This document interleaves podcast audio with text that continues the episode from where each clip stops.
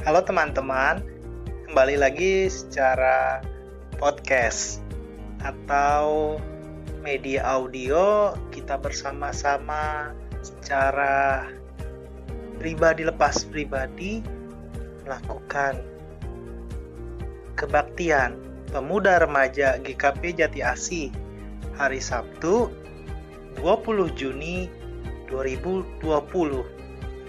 Kali ini teman-teman kita akan merenungkan firman Tuhan dari 1 Korintus pasal 10 ayat 23 sampai ayat 24. 1 Korintus 10 ayat 23 sampai ayat 24. Di mana kita juga akan merenungkan tema yang telah diberikan oleh Majelis Pekerja Sinode GKP.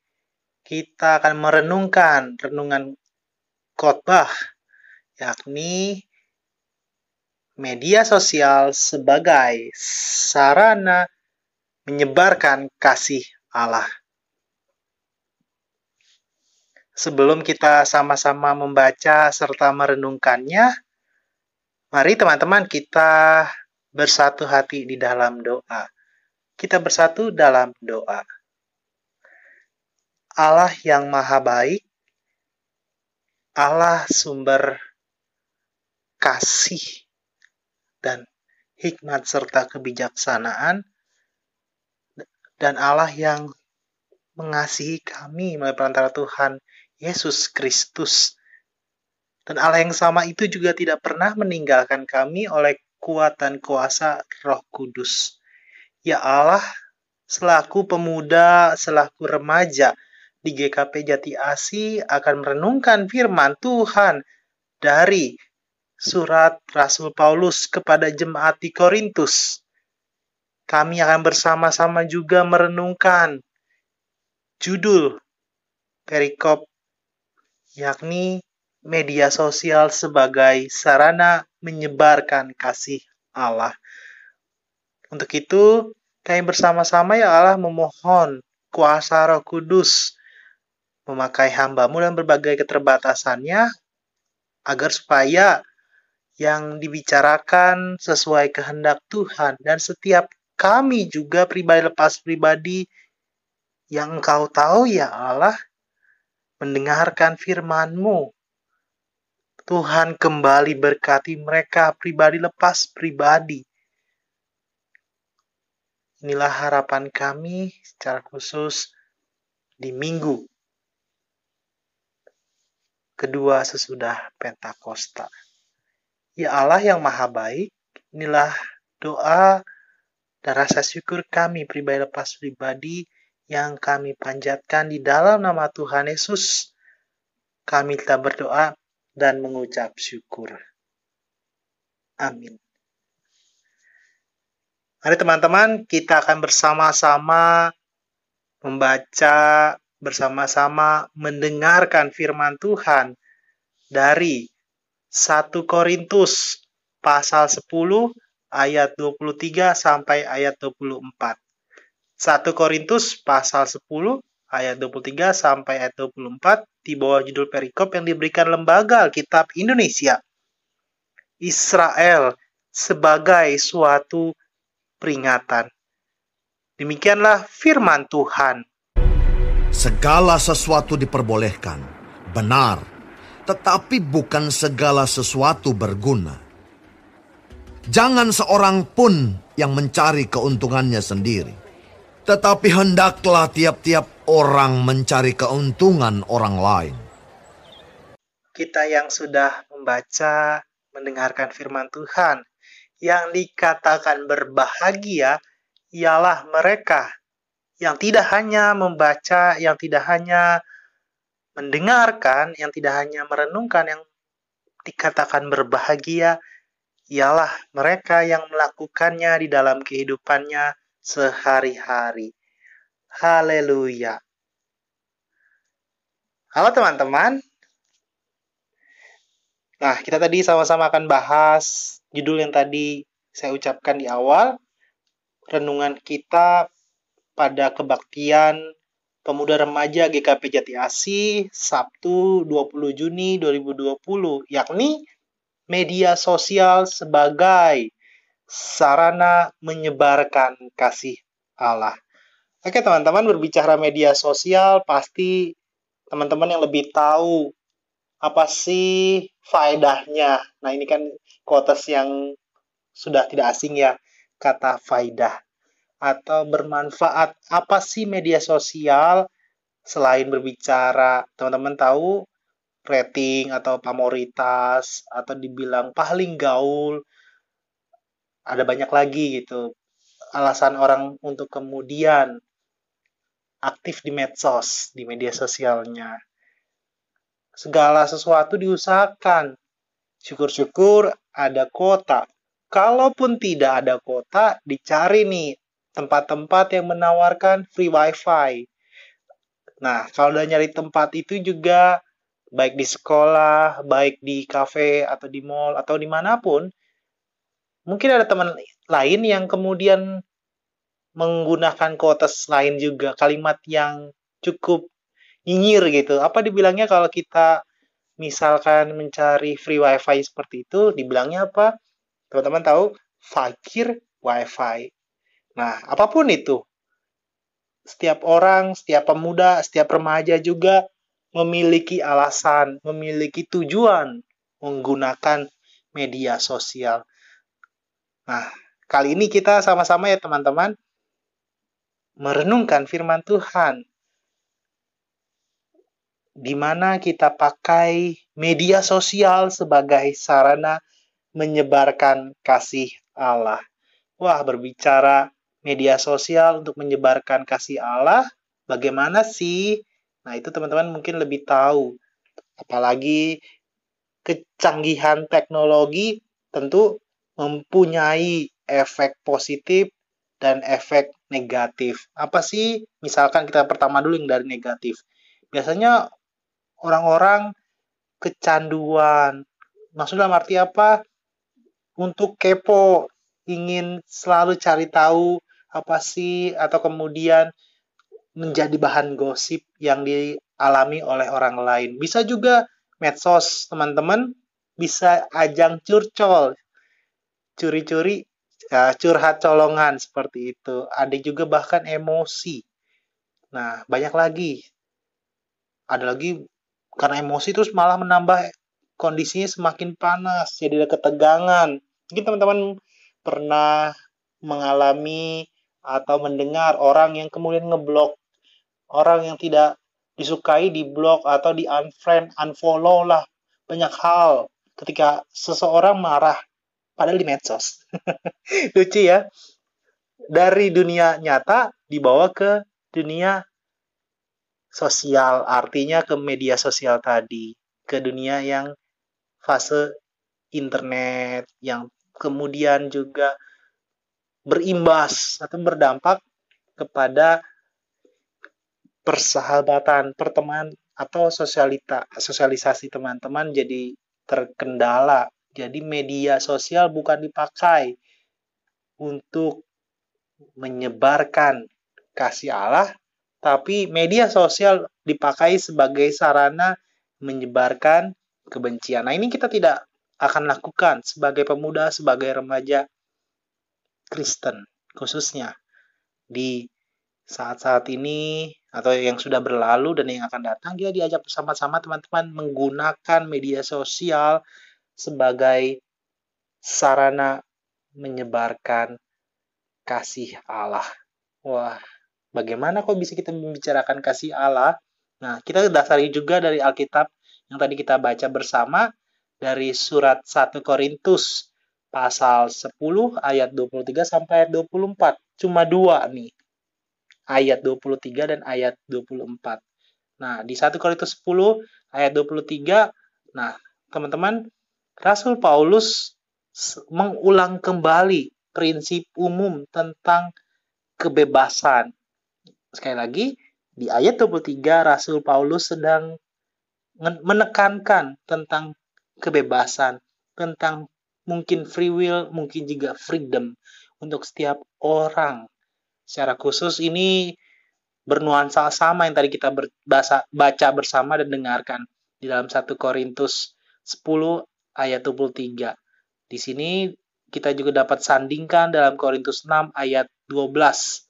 Di Korintus 6 ayat 12 ini berbicara tentang tubuh, bukan tubuh bagi badan, tetapi keseluruhan dari seseorang manusia. Jadi kalau ada kata tubuh, bukan hanya satu person saja, bukan satu orang saja, tetapi setiap ciptaan Allah khususnya manusia. Segala sesuatu dianggap halal, segala sesuatu dianggap misalkan haram, itu tergantung dari persepsi setiap orang. Kalaupun ada dasarnya, baik secara rohani, baik secara medis, setiap orang memiliki dasarnya pribadi lepas pribadi. Akan tetapi, hal tersebut membuat perbedaan. Nah ini, kenapa ada perbedaan? Teman-teman bisa nanti baca di 1 Korintus 6 ayat 12 dan juga di 1 Korintus 10 ayat 23 adalah ada kata halal bagiku. Nah, tadi di dalam dua ayat tadi kita mendengarkan kata halal bagiku. Dengan demikian ada kesamaan, ada hal atau nuansa isu atau simpelnya isu yang sedang diajak bersama-sama berpikir dari Rasul Paulus. Nah, kita tadi bersama juga melihat dalam 1 Korintus 6 ayat 12 dan 1 Korintus 10 ayat 23 bacaan kita.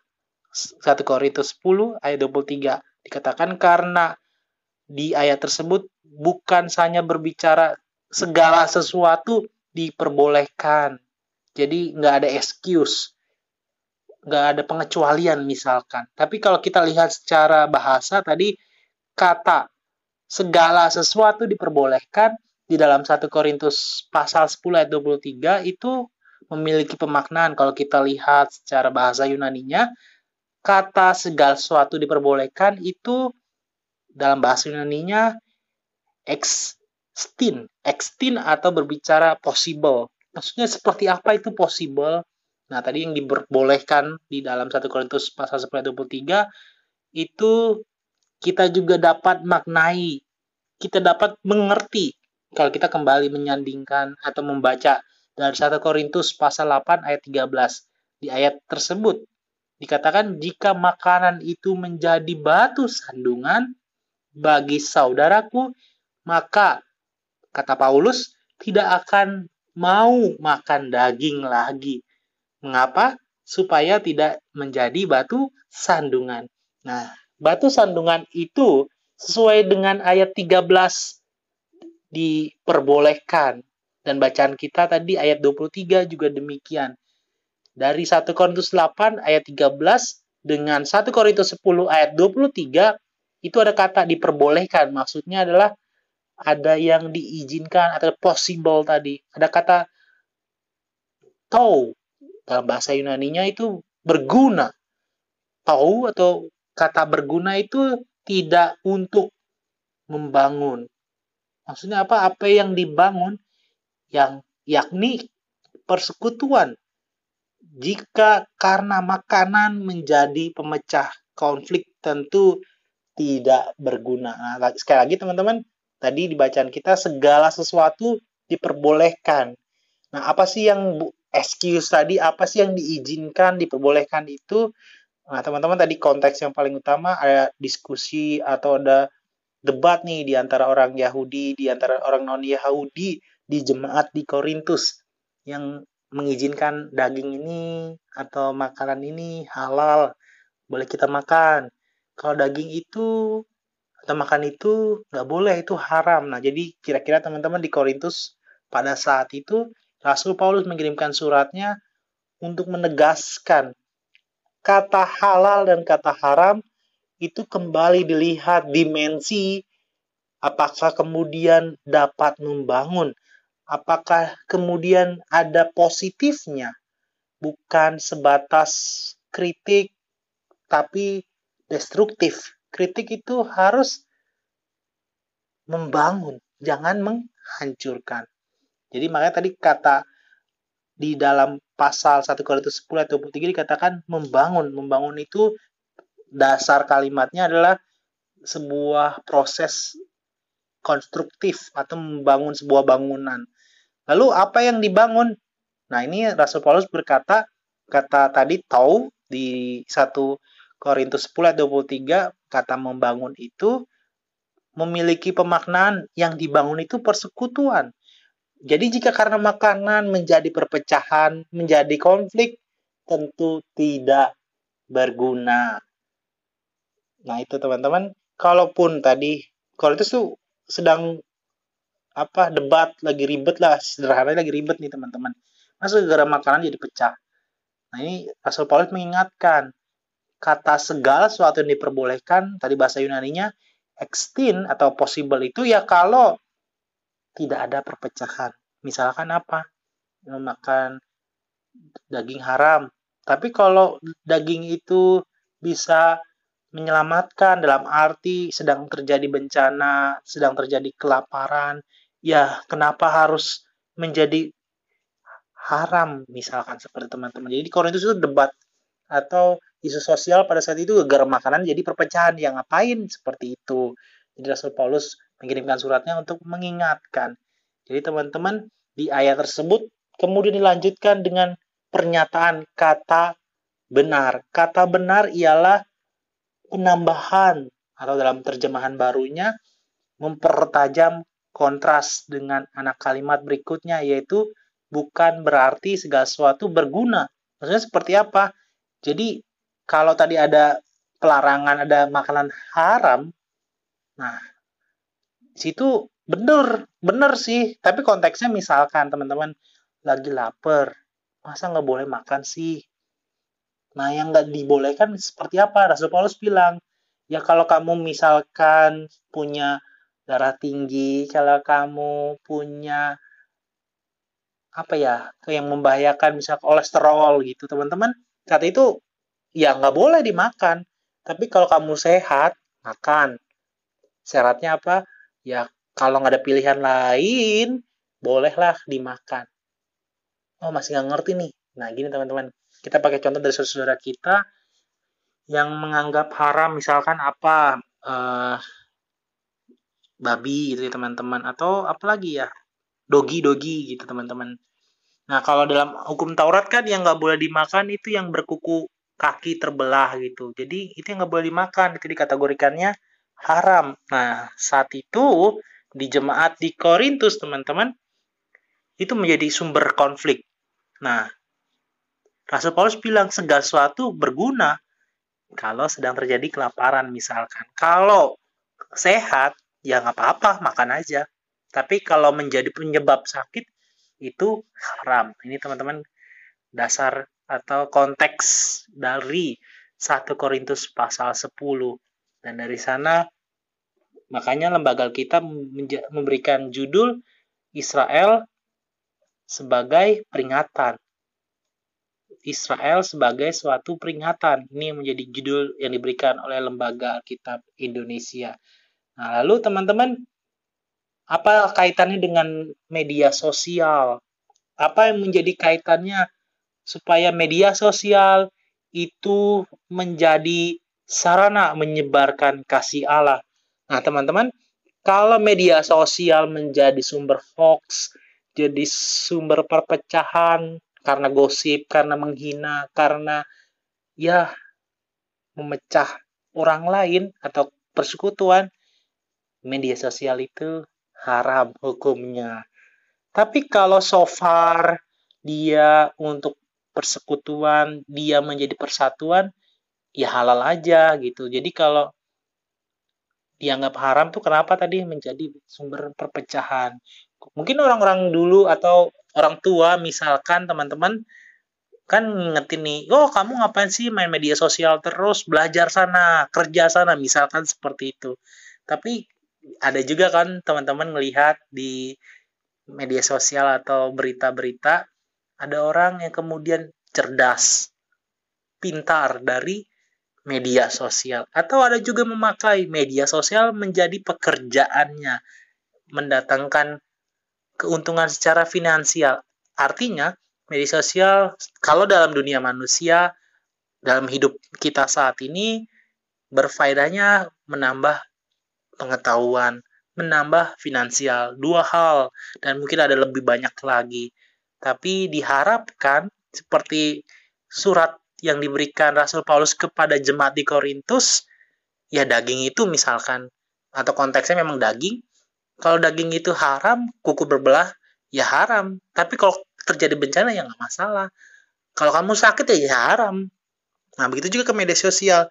Kalau kamu menjadi maaf bodoh, maaf jadi tidak memiliki uang karena beli kuota mulu, nggak bisa menabung karena membeli membeli, uh, membeli paket mulu, ya itu artinya media sosial menjadi haram nih. Teman-teman yang kita dasari dulu. 1 Korintus pasal 10 ayat 23 sampai 24 yang menjadi dasar firman Tuhan dalam kebaktian pemuda remaja saat ini. Jadi sedang di compare nih.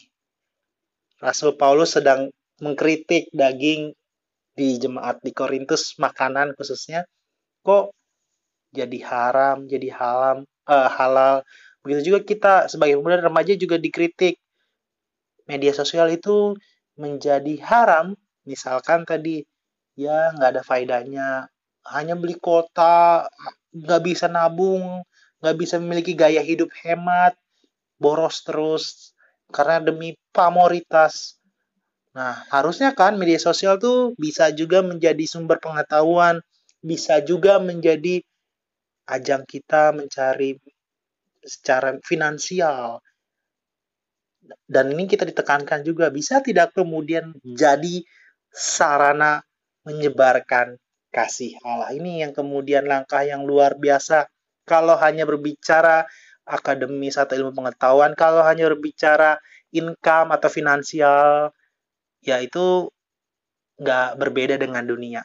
Tapi karena kita umat yang sudah ditebus oleh Allah diajak untuk kembali memiliki rasa syukur, memiliki motivasi hidup karena sudah diselamatkan oleh Allah, hidupnya tidak hanya berbicara yang saat ini, tetapi mengucap syukur karena hidup yang akan datang, kita sudah diberikan keselamatan oleh Allah.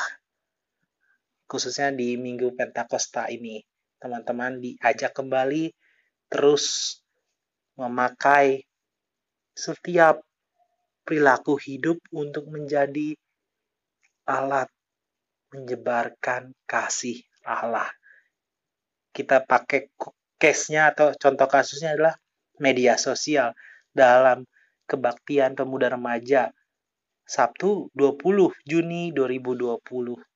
Nah, teman-teman, kita juga kembali diingatkan di ayat ke-24 merupakan perintah umum. Nah, di ayat 24 ada perintah umum khususnya untuk orang tertentu, misalkan untuk tidak untuk semua orang, jadi hanya orang-orang khusus. Oleh karena itu, teks mengatakan bahwa jangan seorang pun yang mencari keuntungan. Jadi itu di ayat 24 1 Korintus pasal 10 ayat 24 sedang menekankan ya buat orang-orang yang hanya untuk kepentingan sendiri, tidak untuk orang banyak, apalagi tidak menjadi sarana menyebarkan kasih Allah, ya ini diingatkan oleh Rasul Paulus. Jangan seorang pun yang mencari keuntungan. Nah, kata keuntungannya adalah bahasa Yunani-nya itu to. Kata to itu berbicara ya untuk kepentingan sendiri, nggak untuk kepentingan orang banyak dan utamanya menyebarkan kasih Allah. Paulus mengharapkan bahwa jemaat di Korintus, jemaat di Jati Asih, itu loh teman-teman, pemuda remaja yang dengarkan podcast saat ini, dengarkan renungan saat ini, untuk memakai media sosial sebagai sarana penyebar kasih Allah. Nah, teman-teman diajak sebagai pemuda, sebagai remaja, memahami bahwa banyak fungsi dan faedah atau manfaat dari media sosial itu.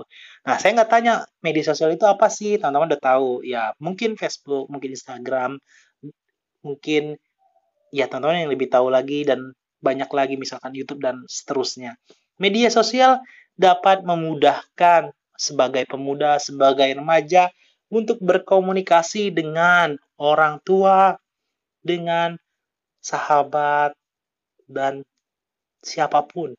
Media sosial merupakan alat yang membuat teman-teman nih sebagai anak zaman now tidak ketinggalan zaman atau mengikuti selalu perkembangan updating terus misalnya ada apa sih saat ini wah pasti diberitanya tentang virus corona beritanya tentang PSBB mungkin sudah lama sih tapi ini normal gitu tentang tatanan hidup baru tapi bagaimana dengan sedang ada banyak berita di media sosial seperti itu teman-teman tetap bisa menjadi pribadi pas pribadi memakai media sosial itu sebagai sarana penyebar kasih Allah. Seperti apa menyebar kasih Allah? Ajak orang lain, baik follower teman-teman, baik member teman-teman untuk kemudian mutual friend teman-teman maksudnya mutual friend teman-teman untuk kemudian saling memberikan ketenangan. Kasih Allah itu adalah ketenangan. Jangan kemudian men-share misalkan hal-hal yang negatif, misalkan mungkin kalau bahasa orang-orang dulu mungkin porno, mungkin juga kekerasan, darah atau pembunuhan dan sebagainya, ya jangan. Pakailah media sosial untuk kemudian sebagai sarana menyebarkan kasih Allah. Setelah itu pemuda dan remaja memahami fungsi dan manfaat pengguna media sosial, kita diajak belajar untuk menggunakan media itu untuk hal-hal yang berguna, hal-hal yang berfaedah, dan khususnya membangun komunitas. Media sosial dapat digunakan, dapat diperbolehkan ya, khususnya kayak saat ini dalam pandemi COVID-19 ini, teman-teman beribadah pun jadi boleh secara daring, secara media digital. Kalau dulu apa? Enggak, enggak boleh tuh misal lagi ibadah, misalkan megang handphone, misalkan ya harus di gereja gitu. Saat ini enggak, boleh di rumah, boleh menggunakan handphone karena boleh. Tadi seperti Rasul Paulus, kalau tidak jadi perpecahan ya nggak apa-apa. Makan daging kalaupun kukunya berbelah. Tapi kalau menjadi perpecahan ya nggak usah dimakan. Itu kategorinya haram. Seperti saat ini pandemi COVID 19 ini teman-teman dulu domelin dong dulu nggak boleh dong. Misalkan lagi ibadah sibuk main handphone. Saat ini nggak. Mungkin dengan handphone dengan kuota tadi akses untuk daring ibadah secara internet teman-teman bisa melihat nama atau kasih Allah yang bisa melampaui keterbatasan kita untuk berjumpa, bersekutu di gereja. Itu teman-teman kita kembali diajak. Nah, teman-teman, kalaupun ditanya nih, apa sih yang membuat media sosial lebih sering digunakan untuk hal-hal positif atau negatif? Nah, teman-teman, apa sih yang membuat orang atau mungkin teman-teman sendiri, misalkan cenderungnya positif atau negatif? Mungkin tadi uh, lagi bete, lagi kesel, lagi ya mau maki orang lain nih, bisa pakai media sosial. Atau juga karena lagi kesel, ya unfollow, terus kemudian unfriend kayak gitu-gitu deh. Teman-teman lebih paham kalau lagi misalnya ngeblok lagi lebih, waduh, itu yang diajak dan diingatkan pada saat ini hari Sabtu 20 Juni 2020 dalam kebaktian pemuda remaja GKP Jati Asi. Lalu kemudian ditanya lagi nih, apa sih langkah-langkah yang kita dapat lakukan untuk menjadikan media sosial berguna dan menguntungkan bagi banyak orang, khususnya dalam kehidupan dan pelayanan di gereja. Wah, banyak hal.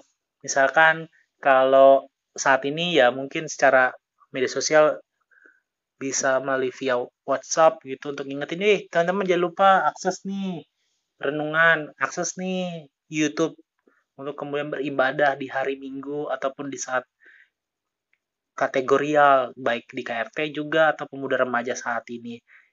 Bisa teman-teman itu menjadikan media sosial sebagai sarana menyebarkan kasih Allah.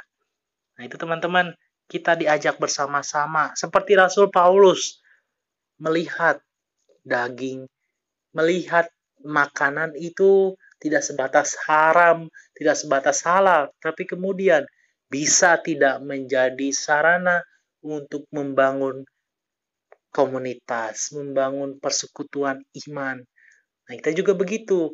Apakah bisa media sosial itu membangun, itu kemudian menjadi cara kita semakin bersekutu dengan Allah dan mungkin juga bersekutu dengan umat Tuhan, jemaat. Kayak gimana bersekutu dengan jemaat? Khususnya lagi pandemi gini bisa kan say hello, eh hey, guys, gimana kabar lo? Misalkan seperti itu. Aman gak di sana? Sehat-sehat nggak keluarga? Misalkan seperti itu. Kemudian bisa sharing. Wah, misalkan ya nih lagi studinya nih BT nih dapat tugas mulu BT nih internetan terus aduh banyak hal lah pokoknya teman-teman lebih paham bagaimana lagi kondisi seperti ini lagi pandemi seperti ini atau bahkan teman-teman yang sedang bekerja juga mengalami kesulitan masing-masing teman-teman lebih mengetahuinya tapi kembali kalaupun ada kesulitan pakailah media sosial untuk menjadi sarana menyebarkan kasih Allah. Bisa tetap share ke teman-teman di media sosial. I'm good, I'm fine, thanks God. Misalkan seperti itu, just caption, just bikin status yang optimistik gitu, tapi bukan hanya apa ya, cuma di media sosial. Bisa juga dari media sosial itu sebagai penyemangat untuk kemudian dalam kehidupan sehari-hari teman-teman juga optimis. Sekalipun kesel sekalipun bete sekalipun kecewa pakailah media sosial untuk menjadi penyebar kasih Allah. Mungkin dengan teman-teman kasih kalimat mungkin ayat Alkitab mungkin renungan di media sosial teman-teman ada orang yang membaca, ada orang yang mungkin lagi sedih, sedang bergumul, kemudian ketika membaca ketaching, kemudian kesentuh, dan kemudian lebih utamanya lagi memiliki iman pengharapan kepada Tuhan. Ini kita memakai, kita diajak menggunakan media sosial sebagai sarana menyebarkan kasih Allah. Selamat memakai media sosial memakai setiap aplikasi yang ada di handphone teman-teman, yang ada di laptop teman-teman untuk menjadi alat mempersaksikan kasih Allah dan orang yang membaca, orang yang melihat kemudian selalu merasakan kasih Allah di dalam kehidupannya tidak pernah putus, tidak pernah disconnect. Kalaupun kota terbatas, kalaupun sinyal pun mungkin ada gangguan atau uh, teknologinya kurang memfasilitasi kurang baik tapi kalau lagi kesel kalau lagi sedih ketika teman-teman share caption yang baik status yang baik orang lain pun akan membacanya selamat memakai menggunakan media sosial sebagai sarana penyebar kasih Allah. Tuhan memberkati kita. Oke teman-teman, kita kembali bersatu dalam doa dan membawa setiap pokok-pokok doa kita. Dan secara bersama-sama kita akhiri dengan doa Bapa kami. Kita bersatu di dalam doa. Ya Allah yang Maha Kasih, wujud kasih yang Engkau tujukan kepada kami selaku umat percaya, Melalui perantara Tuhan kami Yesus Kristus, Engkau rela menderita, rela disalib, dan bahkan mati ya Allah. Namun Engkau Allah yang tidak sampai di situ saja. Engkau Allah yang bangkit, dan bahkan saat ini dan seterusnya Engkau selalu berada di surga untuk menyiapkan tempat yang penuh dengan damai sejahtera. Ya Allah yang Maha Kasih di minggu kedua sudah Pentakosta ini sebagai pemuda, sebagai remaja, bersyukur Engkau tidak pernah meninggalkan kami. karena kami telah dicurahkan kuat dan kuasa Roh Kudus. Dan kami bersyukur ya Allah bagi kami pribadi pas pribadi yang dapat bersekutu secara media audio atau secara podcast ini ya Allah dan kami telah mendasari renungan dengan judul media sosial sebagai sarana menyebarkan kasih Allah dengan dasar Alkitabnya dari 1 Korintus 10 ayat 23 sampai ayat 24. Kami belajar kembali ya Allah dan diingatkan seperti Rasul Paulus mengingatkan di jemaat di Korintus untuk melihat sesuatu haram haram maupun halal itu untuk paling utama bergunanya untuk persekutuan, mempersatukan, seperti juga media sosial. Kiranya sebagai pemuda, sebagai remaja lebih mengetahui fungsi dan kebaikan atau gunanya dari media sosial selain menambah ilmu pengetahuan, menambah pertemanan, tapi utamanya juga mungkin menambah keuangan, menambah juga khususnya iman ya Allah. Kami bersama-sama saling menyebarkan kasih Allah dengan media sosial. Ya Allah yang maha baik tentu berbicara kami yang mau Tuhan pakai sebagai pribadi lepas pribadi yang terus menyebarkan kasih Allah baik melalui media sosial maupun dengan kehidupan dalam kenyataan dalam realita kami pribadi lepas pribadi Allah. Secara khusus kami mengingat juga untuk orang tua kami untuk teman-teman kami yang kami bawa di dalam doa ya Allah yang sedang sakit dalam proses pemulihan. Kami mengingat secara khusus di jemaat GKP Jati Asih.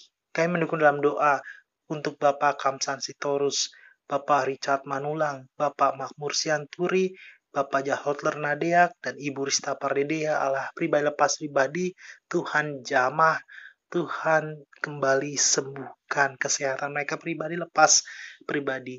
Kalaupun ada proses medical check up, ada proses meminum obat, istirahat, kiranya ya Allah baik mereka yang sedang sakit atau proses pemulihan, kiranya juga anggota keluarga tidak kehilangan iman pengharapan kepada Engkau, Allah Sang Pencipta dan Allah sumber kehidupan. Ya Allah yang Maha Kasih, kami terus mendukung dalam doa mereka pribadi Tuhan sembuhkan dan Tuhan pulihkan. Ya Allah, kami juga berdoa untuk saudara, untuk teman, untuk orang tua kami yang Tuhan telah tambahkan usia. Secara khusus kami mendukung dalam doa untuk saudara Sony Yohanes YH Pakpahan, untuk Ibu Margareta Tefnai, untuk Ibu Juniarta Purba, untuk Ibu Adelina M. Utagalung, Saudari Titi Mariani M. Tefnai, Bapak Boy Christian Maikari, Ananda Joy Uli Nadia E. Girsang, Bapak Agus Komal pribadi lepas pribadi Allah tidak hanya usia yang Tuhan tambahkan. Kami percaya hikmat kebijaksanaan, iman pengharapan kepada Tuhan juga ditambahkan. Terlebih kesehatan, terlebih keuangan, terlebih kesukacitaan, Tuhan berkatilah mereka pribadi lepas pribadi. Allah yang maha baik, kami juga mendukung dalam doa untuk dua anggota keluarga di GKP Jati Asih. Kami mendukung dalam doa untuk Bapak Apri M. Pasaribu, Bapak Apri Jaltari Horan. Kiranya Tuhan berkati baik anak-anak, Tuhan berkati baik pasangan atau istri mereka ya Allah. Tuhan berkati juga menantu ataupun cucu mereka ya Allah. Satu keluarga tersebut Tuhan berkati lagi dan lagi ya Allah. Baik dalam pekerjaan, baik dalam pelayanan, baik dalam kehidupan pendidikannya, dan pelayanan juga ya Allah. Tuhan pakai lagi dan lagi untuk kemuliaan nama Tuhan. Allah yang maha baik, kami juga berdoa ya Allah dan mengucap syukur atas kabar yang kami dengar.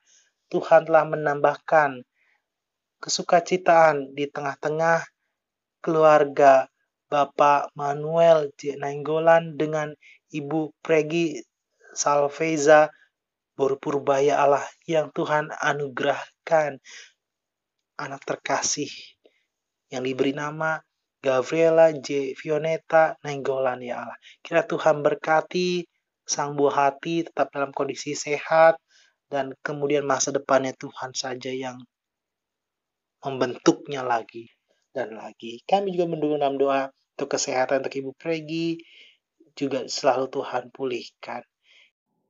Ya Allah, kami juga mendukung dalam doa untuk para penatua di GKP Jati Asih ya Allah, baik Ibu Pendeta Adolfina sebagai pendeta konsulen, dan khususnya Majelis Koordinator di Komisi Pemuda Remaja ya Allah, untuk dapat memfasilitasi kami saling bersekutu dan menguatkan. Kami juga mengingat dan mendoakan kepada pengawas pendarahan jemaat, kepada komisi pembantu setempat dan guru-guru TK Kristen Pasundan Jati Asih.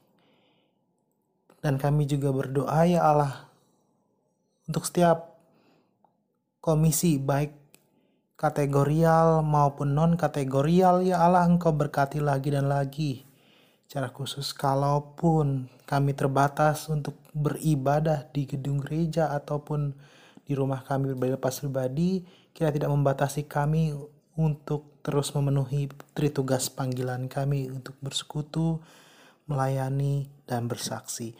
Ya Allah yang maha baik kami juga mendukung dalam doa untuk BP Klasis GKP wilayah Bekasi, untuk klasis lain ya Tuhan, dan juga kami berdoa majelis pekerja sinode, badan-badan pelayanan, kiranya Tuhan berkati juga Yayasan Badan Rumah Sakit, YPTKM, kami juga berdoa untuk Panti Asuhan Tanjung Barat, Krisis Center, dan setiap YBPK lainnya ya Allah.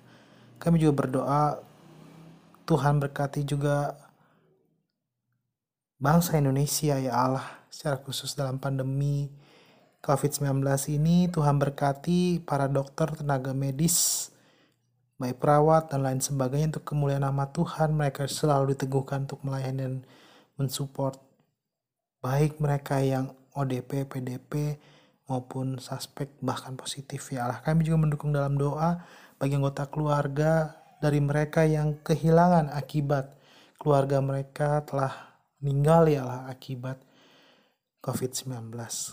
Kami juga berdoa agar segera ditemukannya vaksin. Kalaupun sudah ada resimen-resimen ataupun campuran-campuran untuk dapat membatasi virus corona ini, kiranya Tuhan berkati ditemukan vaksin yang lebih baik lagi. Ya Allah dijauhkan juga dari kerusuhan ataupun intoleransi umat beragama kami berdoa secara ekonomi juga pribadi pas pribadi ya Allah baik kepada orang tua kami maupun kepada kami ya Allah Tuhan layakan kami untuk dapat bekerja orang tua kami dapat bekerja kembali agar kami dapat beriman kepada Engkau Allah yang maha baik ya Allah kami juga berdoa untuk Bapak Presiden Joko Widodo hingga aparatur negaranya yang paling kecil sekalipun Kiranya Tuhan berkati lagi dan lagi ya Allah dijauhkan juga bangsa Indonesia dari bencana alam. Ya Allah, setiap pokok-pokok doa kami tentu jauh daripada sempurna. Maka dari itu kami menyempurnakan seperti doa yang Tuhan Yesus ajarkan kepada kami. Bapa kami yang di sorga, dikuduskanlah namamu, datanglah kerajaanmu, jadilah kehendakmu di bumi seperti di sorga. Berikan kami pada hari ini iman kami secukupnya, dan ampunlah kami kesalahan kami, seperti kami juga orang yang bersalah kepada kami. Jangan bawa kami dalam pencobaan, tetapi lepaskan kepada yang jahat, karena engkau yang punya kerajaan dan kuasa dan kemuliaan sampai selama-lamanya. Amin. Oke teman-teman, selamat menjadi pribadi lepas pribadi yang menggunakan media sosial sebagai sarana menyebarkan kasih Allah. Oh, jangan hanya menggunakan media sosial untuk menyebarkan dendam, menyebarkan kebencian, atau hal-hal yang pesimis bagi orang lain. Tidak, kita diundang di minggu kedua sesudah Pentakosta sebagai pribadi, sebagai pemuda, sebagai remaja menggunakan media sosial sebagai sarana untuk menyebarkan kasih Allah. Selamat menjadi penyebar kasih Allah menggunakan media sosial dan utamanya juga dilakukan di dalam kehidupan sehari-hari. Tuhan Yesus memberkati. Amin.